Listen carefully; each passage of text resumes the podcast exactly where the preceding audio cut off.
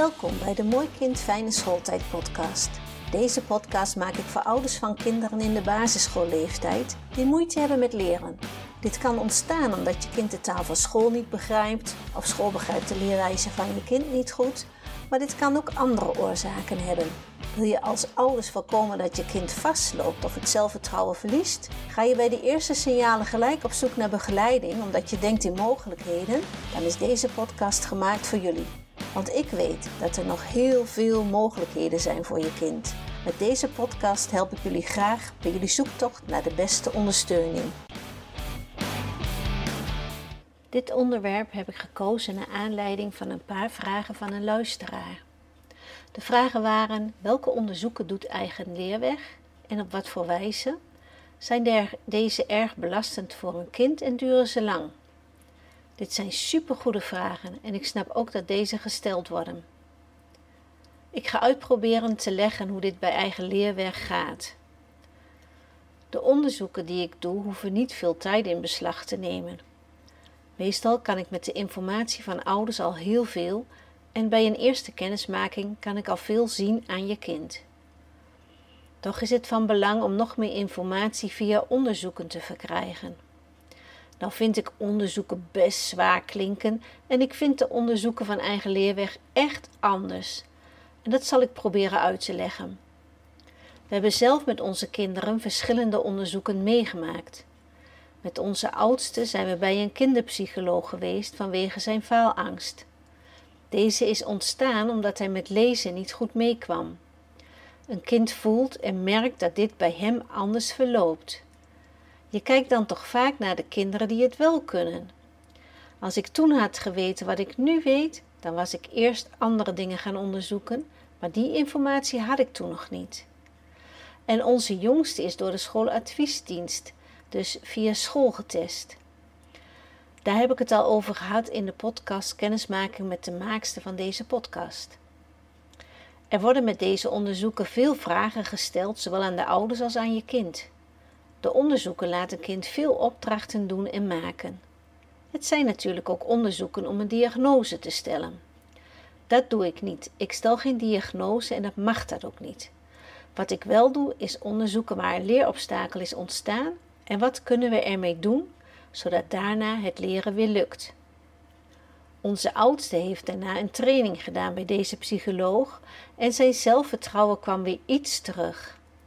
Hij kreeg verder wat meer tijd soms op school voor een opdracht, omdat uit het onderzoek naar voren kwam dat hij dyslectisch was. Maar verder merkten we niet echt dat er wat mee gedaan werd. Ik kwam er zelf achter dat hij via zijn gehoor het beste leerde. Dus als ik hem leerstof voorlas, dan kon hij het na één keer horen onthouden. Zou hij het zelf moeten lezen, dan duurde dit best lang en hij kon het dan niet navertellen wat hij nou eigenlijk had gelezen. Als ik hem een leerstijlonderzoek had afgenomen, dan was ik erachter gekomen dat hij goed leert via zijn gehoor. Stel dat er een kind bij mij in de praktijk komt en daar is het vermoeden van dyslexie. Dan begin ik met bijvoorbeeld een oogscreening. Voor deze oogscreening gebruik ik eenvoudig onderzoekmateriaal of een bioptor. Stel je laat een kind kijken naar een potlood. Met dit potlood beweeg je langzaam naar zijn neus. Als één oog daar niet goed mee beweegt, dan kan dit een signaal zijn dat hierdoor de informatie niet op de juiste plek in de hersenen komt. Dit is natuurlijk nog maar een klein onderdeel van alles wat je kan onderzoeken, maar even als een voorbeeld wat je kan verwachten. Als je een oog opzoekt op internet, dan zit er helemaal achterin een plekje genaamd de gele vlek. Het is een heel klein gebied in het midden van het netvlies en daar moet alle informatie van onze ogen ergens op de juiste plek in de hersenen komen. Het centrale punt van de gele vlek wordt de fovea genoemd. Dit is een groefje waar onze gezichtsscherpte het allergrootst is. Met de hulp van de fovea kunnen we zeer kleine voorwerpen zien. De gele vlek is slechts 2 tot 3 mm groot, maar is een belangrijk onderdeel voor het centrale gezichtsvermogen. Hierdoor kun je details onderscheiden en activiteiten als bijvoorbeeld lezen uitvoeren. Zonder die gele vlek zou alles er wazig uitzien. Wat maakt dat ziekten die dit gebied treffen bijzonder ernstig zijn. Dat de informatie goed aangeleverd wordt naar de hersenen is van groot belang, maar op de een of andere manier wordt hier weinig naar gekeken.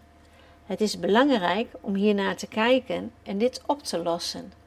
En het leuke is dat je toch zeker een aantal obstakels kan oplossen door oefeningen.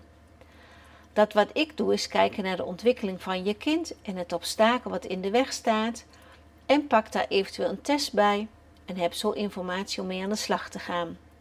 Dit is dan even een klein voorbeeld en je kan uit één testje niet gelijk alle informatie halen. Soms zijn er wat meer testen nodig of door middel van vragen, maar zo werkt het bij eigen leerweg. Ik verzamel zoveel mogelijk informatie, maar het zijn over het algemeen allemaal doe-onderzoeken. Het zijn onderzoeken die niet ver van de kinderen afstaan. Hoe een kind een bal vangt of gooit, daar, daarvan kan ik al veel aflezen. Reflexen kunnen ook een belangrijke hinderpaal zijn. Als een kind met een keizersnee geboren wordt, dan heeft dit kind de beweging door het geboortekanaal gemist. Soms blijven deze kinderen dan aanstaan. Ze huilen veel en hartstochtelijk en vanuit hun tenen. Normaal kan een baby bijvoorbeeld een beetje gaan huilen omdat het een of ander dat hij iets gehoord heeft of geschrokken is, maar bij deze baby's komt er een geschreeuw uit alsof er iets heel ergs aan de hand is.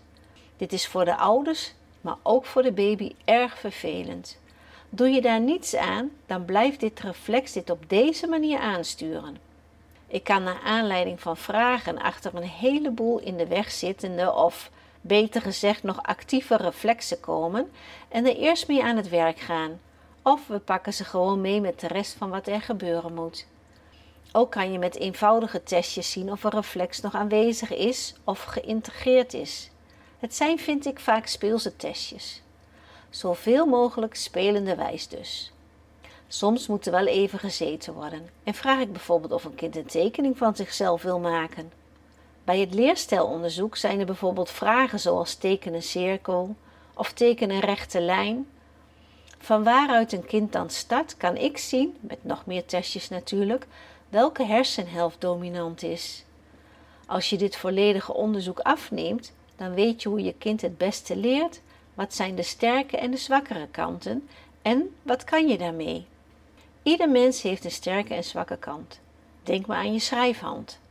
Als je deze zelf hebt gekozen, dan is dit je dominante hand. Vroeger moesten alle kinderen met rechts schrijven, ook al had links de voorkeur. Soms kan het zo zijn dat je een dominantieprofiel krijgt waarbij alles aan de rechterkant dominant is. Dus je hersenen, je hand, je voet, je oog en je oor. Dan geeft dit vaak problemen met leren. Je kan je voorstellen dat dan de linkerkant als een soort balans toch wel gestimuleerd moet gaan worden. Of het te belastend is voor een kind, al die toetsjes of de onderzoeken vind ik lastig te zeggen. Dit is per kind verschillend. Wel is het zo dat een kind heel goed aanvoelt wat het niet goed kan. Stel dat ik bij je kind kom omdat het rekenen niet lukt. Dan ga ik met iets aan de gang waar een kind liever niet mee bezig is. Alles waar je goed in bent is altijd leuker om over te praten of mee aan de slag te gaan. Hier heb je wel vertrouwen in. En ik kan me dit ook voorstellen.